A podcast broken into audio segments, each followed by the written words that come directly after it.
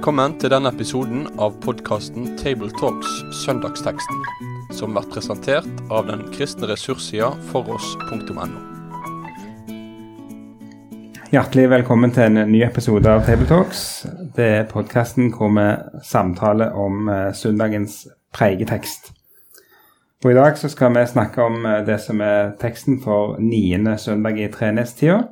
Og vi skal lese sammen fra Lukas 6, vers 36 til 42. Og trenestida det er denne lange perioden av kirkeåret som er mellom høgtidene. Eh, det jeg av og til liker å kalle for grovbrødsperioden, den daglige liv, festlivet på det jevne. Tekster som eh, legger vekt på disippellivet, egentlig. Og det er definitivt et tema for den samtalen og den teksten vi skal innom i dag, eh, som jo handler om vårt forhold til vår nestes mangler og feil, og hvordan vi, hva rett har vi til å felle dom og ikke, osv. Over, disse, over dette. Så her er vi inne om, eh, innom krevende tematikk. Med meg for å samtale så har jeg Tori Slottsveen Asp. Og Sverre Bø. Og så er jeg Knut Kåre Kirkholm. Nå skal Toril lese teksten fra Lukas 6, vers 36 til 42. Vær barmhjertige, slik deres far er barmhjertig. Døm ikke, så skal dere ikke bli dømt. Fordøm ikke, så skal dere ikke bli fordømt. Ettergi, så skal dere få ettergitt. Gi, så skal dere få. Et godt mål, sammenristet, stappet og breddfullt skal dere få i fanget. For i det målet dere selv måler med, skal det også måles opp til dere. Han fortalte dem også en lignelse. Kan vel en blind lede en blind? Vil ikke begge falle i grøfta? En lærling står ikke over sin mester, men når han er utlært, blir han som sin mester. Hvorfor ser du flisen i din brors øye, men bjelken i ditt eget øye legger du ikke merke til? Hvordan kan du si til din bror, Bror, la meg ta flisen ut av øyet ditt, når du ikke ser bjelken i ditt eget øye? Din hykler, ta først bjelken ut av ditt eget øye. Da vil du se klart nok til å ta flisen ut av øyet til din bror. Dette er jo henta fra Lukas sin versjon kan vi vel si, av bergpreika. den som kalles for Sletteprekenen. Og Det står vel som overskrift, tror jeg, til og med i, eh, i hvert fall i Bibel 2011, som Tore leste fra nå. Og Jesus har rett foran undervist om kjærlighet til fiender, eh, og nå går han over til, til litt sånn praksis. Hvordan skal nestekjærlighet se ut i praksis? Og eh, det er jo til å bli litt sånn få litt lukka munn av dette her. Er du enig i det? Sverre? Jo, det er det virkelig. En blir eh, Jeg har følt på at det er veldig vanskelig å ta ordet. Å skulle sitte her og snakke til andre mennesker om noe som treffer meg selv, så direkte som begge deler av denne teksten gjør. Både dette om ikke å dømme andre, og dette med å se bjelken i ens eget øye i forhold til flisen i sin brors øye. Så jeg er glad at det er Guds ord som skal fram, og ikke våre tanker omkring dette, slik sett. Og ja, for, for det, er jo, det er jo nestekjærlighet som er ramma rundt. Eh, og, eh, og, det er jo sånn der en spenningsfelt, sånn som jeg oppfatter det, mellom Ja, er det liksom en sånn En skal ikke mene noe ting om noe som helst. Eh, Versus eh, det å faktisk ha en slags kritisk sans i møte med, med, med det en ser eh, om seg. Det, det, er en eh, balansegang som vi ofte også ser i denne alle kristne debatter om etikk og tro og det hele. Eh, hvordan liksom vi skal navigere i det, da. Og det er lett å, det er lett å havne feil her. Vi har på norsk tre former av dette med å dømme. Det er det triste ordet å dømme, og det enda verre ordet med å fordømme. Men så har vi også et ord som heter å bedømme, som betyr noe i retning av å vurdere. Og det står jo positivt oppfordret ofte i Bibelen at vi skal bedømme, vi skal til og med kritisk bedømme. Vi skal ikke være naive eh, og sluke hva som helst. Så du setter ord på den smerten mellom det å stå for noe, det å gjøre sine vurderinger, men ikke stjele seg inn i Guds rolle som den som skal felle dommen, og ikke opptre heller i kommunikasjon på en sånn måte at den oppleves som en som skal tråkke ned på andre. Og dette er ufattelig krevende i hverdagen, det er så sikkert. Og det sto meg bare det greske verbet som er brukt med, som fordøm her, er jo nettopp det å felle en dom. Så det, det er ganske tydelig i teksten òg at, det, at det, det, det, vi er på det nivået der, da. Med å felle en dom. I det verbet. Og så er det jo i, i alt Jesus sier her, eh, så er det jo tegna opp på en måte en, et fellesskap som blir negativt et fellesskap som på en måte bryter hverandre ned. Ehm, og vi kommer jo etter hvert til disse karikaturene som Jesus nærmest eh, tegner med ord. Ehm, og da tenkte jeg det, eh, Eller jeg, ser jo ting for meg i bilder ofte. Og når jeg begynte da med dette verset som kommer før vi går inn i det med dommen, så begynte det jo med 'vær barmhjertige, slik deres far er barmhjertig'. Og når jeg hører det, så har jeg lett for å trekke meg unna, for det er umulig likevel. Eh, men hvis jeg, jeg går inn i det og bare lytter til det, så, så, ser jeg for meg en sånn på en måte to kolonner. På den ene sida står det med store bokstaver 'Vær barmhjertig', som deres himmelske far er barmhjertig. Og på den andre så står det 'Døm ikke', og 'blinde skal ikke lede andre blinde', og, og dette med bjelken i øyet ditt. Og hvis jeg skulle bruke farve på det, så ville jeg da farvelagt det venstre med barmhjertighet i lyse farger, og det andre slik det er beskrevet i ganske mørke farver. Men for meg så ble det på en måte inngangen til dette her. Det er ikke først og fremst 'nå skal du ikke det, nå skal du ikke det, og nå skal du leve riktig, og nå må du få til det', men det er mer sånn at nå skal jeg vise dere hva som ikke tjener til liv i fellesskapet mellom dere. Mens Guds barmhjertighet og godhet og hvordan det er å møte den, det blir livgivende. Og nå skal dere på en måte lukkes inn. Først skal dere kanskje Nå, nå avdekker vi forskjellen på disse to. Og så vil jeg løfte dere inn i dette med barmhjertigheten, for det er der dere er. Det er kalt til å leve. Mm.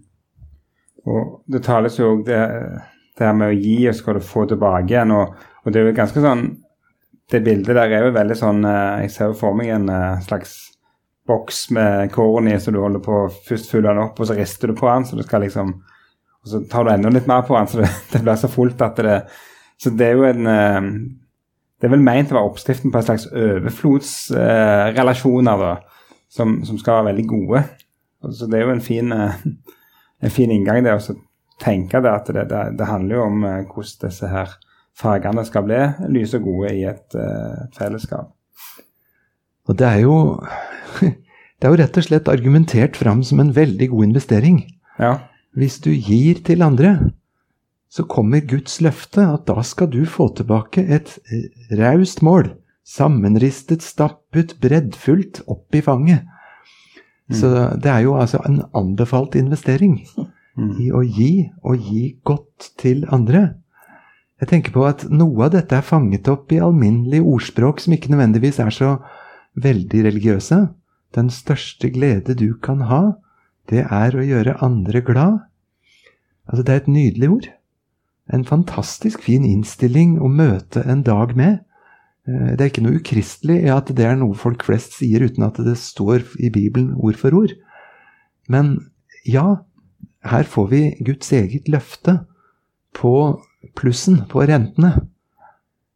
Og Det, det synes jeg er jo litt interessant, for at, reflektere og reflekterer òg her, at hva eh, tid sånn, Flis og bjelke det siteres jo av alle mulige folk. Eh, så det, det, er jo både sånn allmenn visdom, samtidig som det er en veldig spesifikk etikk som Jesus gir til sine disipler, som hører hjemme i Guds rike, og som skal prege fellesskap mellom, mellom Jesu disipler. Så må det Ja. Det er deler av bergpreget som, som, helt åpenbart er, en rad, sånn radikal forkynnelse av Guds bud, og som eh, sånn sett kan sies er veldig spesifikt kristen. Men det er jo mye av dette her er jo litt sånn Sånn da blir livet bra for alle, hvis alle lever sånn i samfunnet.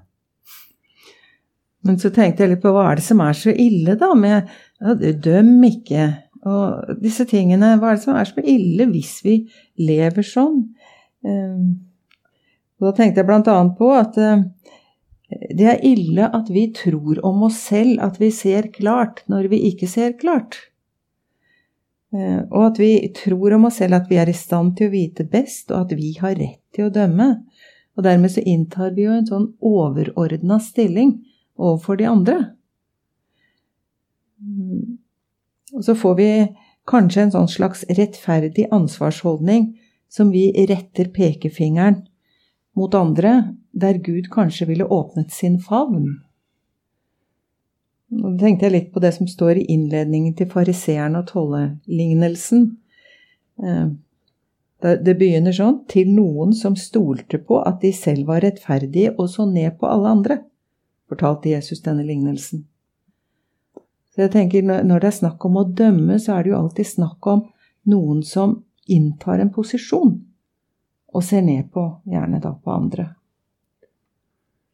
Det er så sant det du sier, Toril, og jeg sitter og tenker da på Johannes 8, med kvinnen som ble grepet på fersk gjerning i hor, hvor Jesus sier to ting til henne.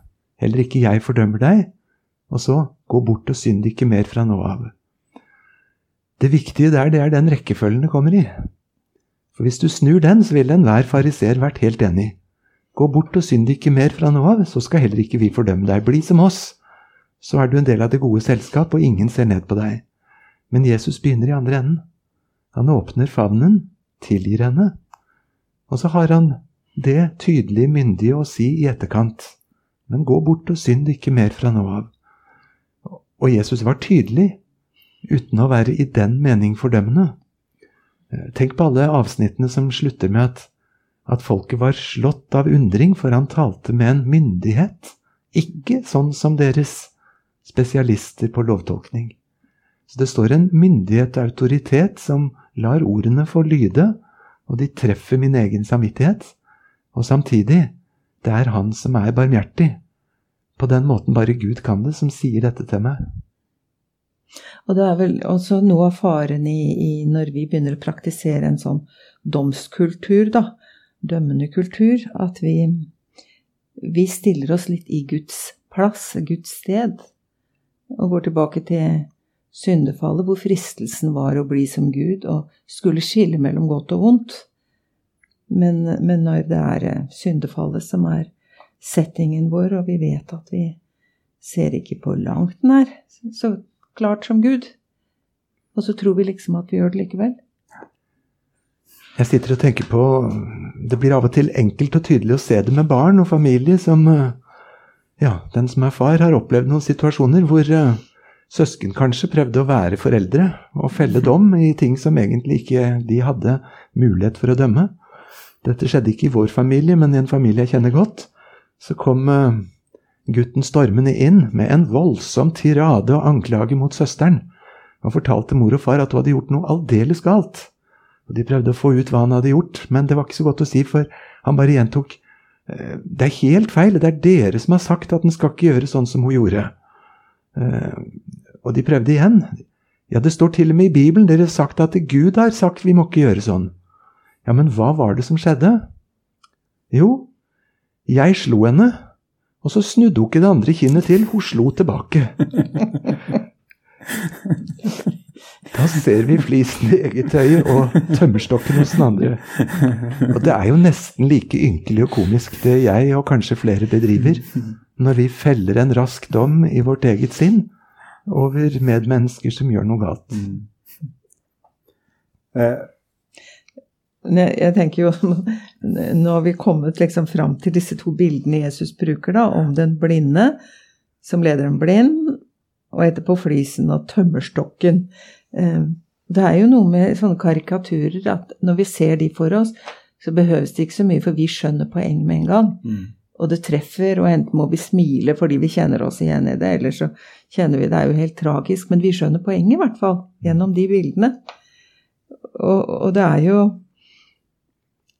Altså, det er vanskelig å finne helt ord på det, men, men jeg føler liksom at å ja, det er sånn det er, ja. Så at du ser det, Jesus. Jeg har ikke helt skjønt det, men eh, jeg skjønner hva du vil fram til. Altså det, det, er jo så flott at han ikke bare driver på det intellektuelle planet og skal forklare og argumentere for, men han gir oss noen bilder som vi blir liksom litt sånn avkledd igjennom. Da skjønner vi i hvert fall poenget. Og, og um, siden du nå nevnte disse to bildene, så har vi jo dette vers 40 imellom.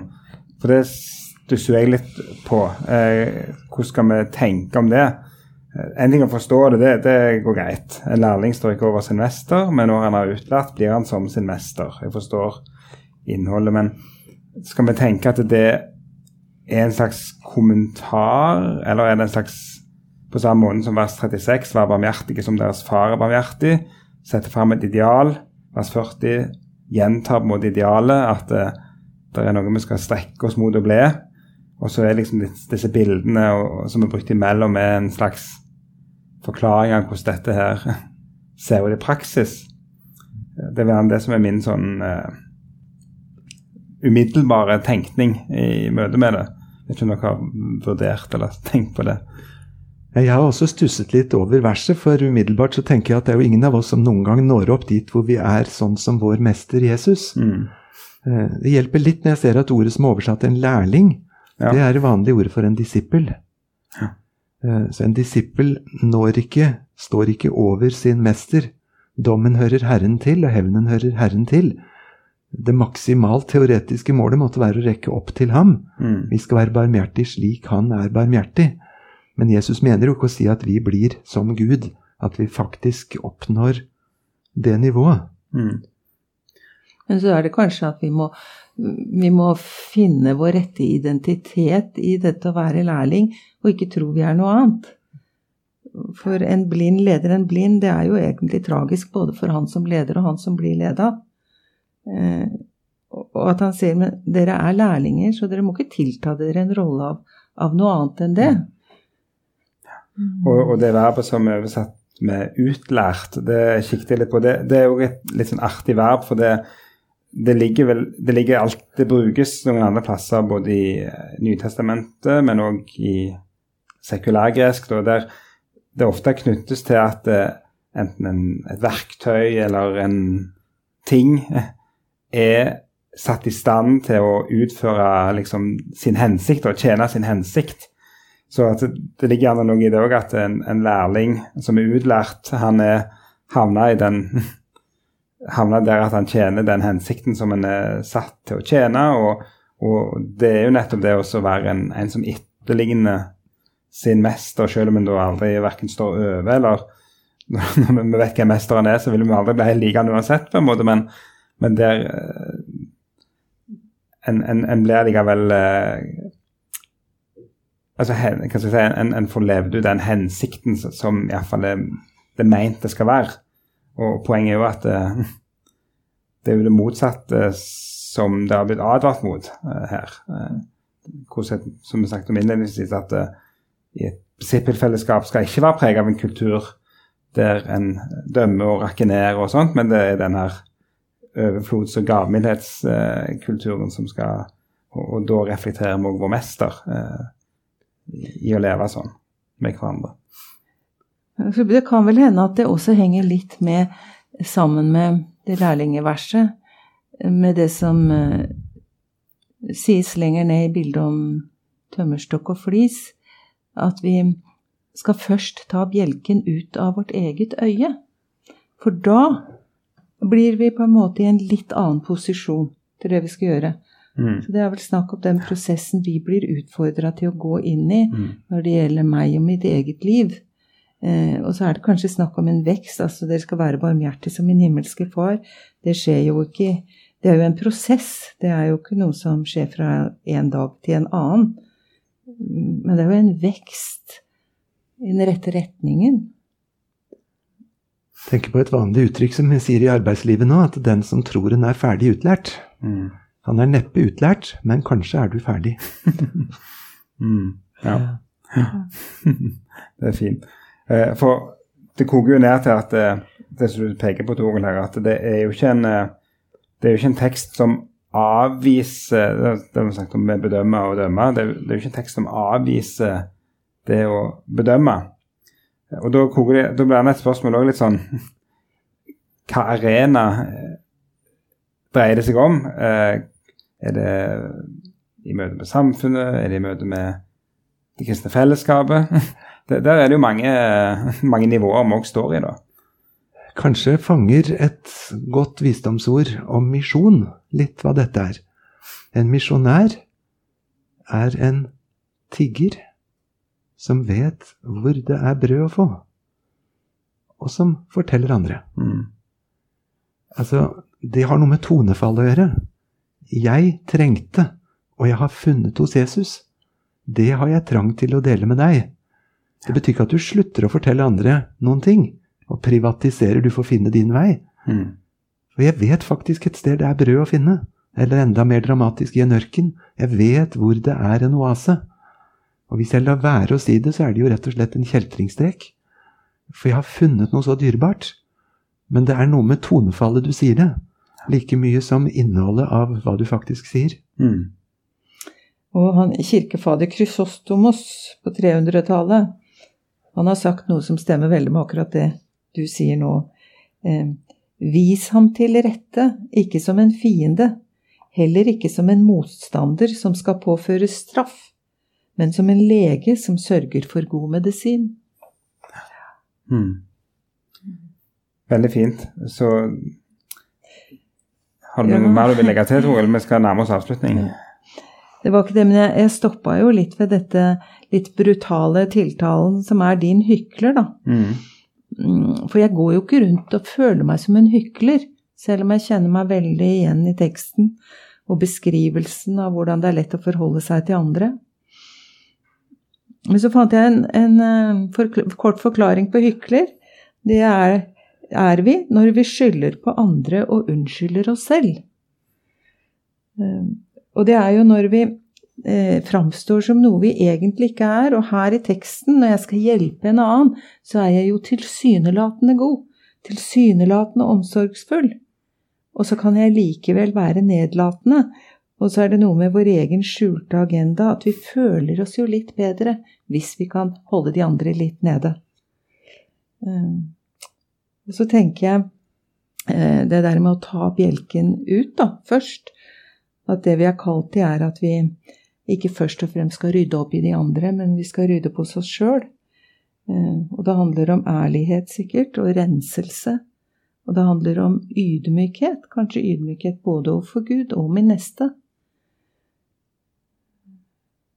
Og da, og da kan vi få lov til å prøve å veilede hverandre, men, eh, men vi gjør det aldri fra en sånn overordnet posisjon. Ikke noe besserwisser eller nedlatende eller Mm. mm. Hvis eh, vi skulle eh, runde av og si Hvis du skal prege over teksten, Sverre, hva er det liksom som ligger deg mest på hjertet da? Ja, det begynner med dette utsagnet 'Vær barmhjertig slik deres far er barmhjertig'. Og det er litt av en sammenligning. Jeg er veldig glad i friidrett. Og i høydehopp så handler det om hvor høyt du legger lista, hva regner du med at du skal gå over? Jeg vil jo si at Jesus legger lista ganske høyt for oss her. Så barmhjertig som Gud er, så barmhjertig skal jeg være 24-7, hele tiden i møte med ethvert menneske i enhver situasjon, og i særdeleshet inn i menigheten. Makter jeg jo ikke å være så barmhjertig som Gud er. Og samtidig, i det ligger jo også jeg kjenner ham som far, han som har vært barmhjertig mot meg. Sagt på en annen måte, jeg som har fått så mye barmhjertighet. Nå vil jeg så gjerne preges av det. Jeg vet hvor det er hjelp å finne, så har jeg så lyst til at flere må finne han. Jeg har ikke lyst til at jeg skal få rett, at det var jeg som valgte riktig, men jeg vil så gjerne at andre skal få den samme gaven som han er. Og selve ordet barmhjertig er jo smør på flesk. Det er to kroppsdeler. Det er barmen, og det er hjertet. Satt sammen. Altså det tetteste du kan trekke noen til deg. Som en mor sitt barn, eller som ektefeller, eller som noen du er oppriktig glad i. Eh, Barmen og hjertet åpent for deg. Gud har trukket meg helt opp til seg. Eh, slik har jeg fått møte Gud. Og så ville jeg så gjerne få lov til å gjenspeile bitte litt av det. Toril? Ja, jeg kjenner jo at en sånn tekst er noe jeg fort sjøl kan trekke meg litt unna. For det nytter jo ikke likevel. Særlig med den innledningen. Å være barmhjertig som din far er barmhjertig. Eh, og jeg vet jo at jeg kan ikke bli Kan ikke nesten ligne Gud, sånn som du sa når lista ligger høyt. Men eh, Og jeg kjenner at faren med sånne tekster er litt at eh, de blir liggende der, og jeg kan det, og jeg vet det. Men så, så fører de på en måte likevel ikke til eh, omvendelse og et liv som kanskje kan bære med seg velsignelse for samliv, jeg holdt på å si både i ekteskap og i menighet. Men at det er det som ligger skjult her. At Guds barmhjertighet og velsignelse skal få nå fram og begynne å prege både meg og de som er rundt meg. Så jeg ønsker vel å, å på en måte male et bilde av det gudsrike fellesskapet. Så kan det kanskje skape både en lengsel og en vilje til å tørre å ta tak i det som hindrer dets utfoldelse, både inni meg og blant de som er rundt meg. Mm. Det er sikkert det jeg kaller for en positiv lovforkynnelse, der en viser hvor, hvor, godt det er meint å være. Eh, det er jo en, eh, en, en veldig fin ting, da. Er, det er jo det idealet Jesus tegner opp for oss, at dette her er meint å være godt. Enkelt og greit.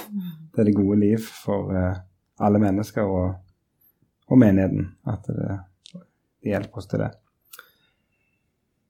Med dette så runder vi av.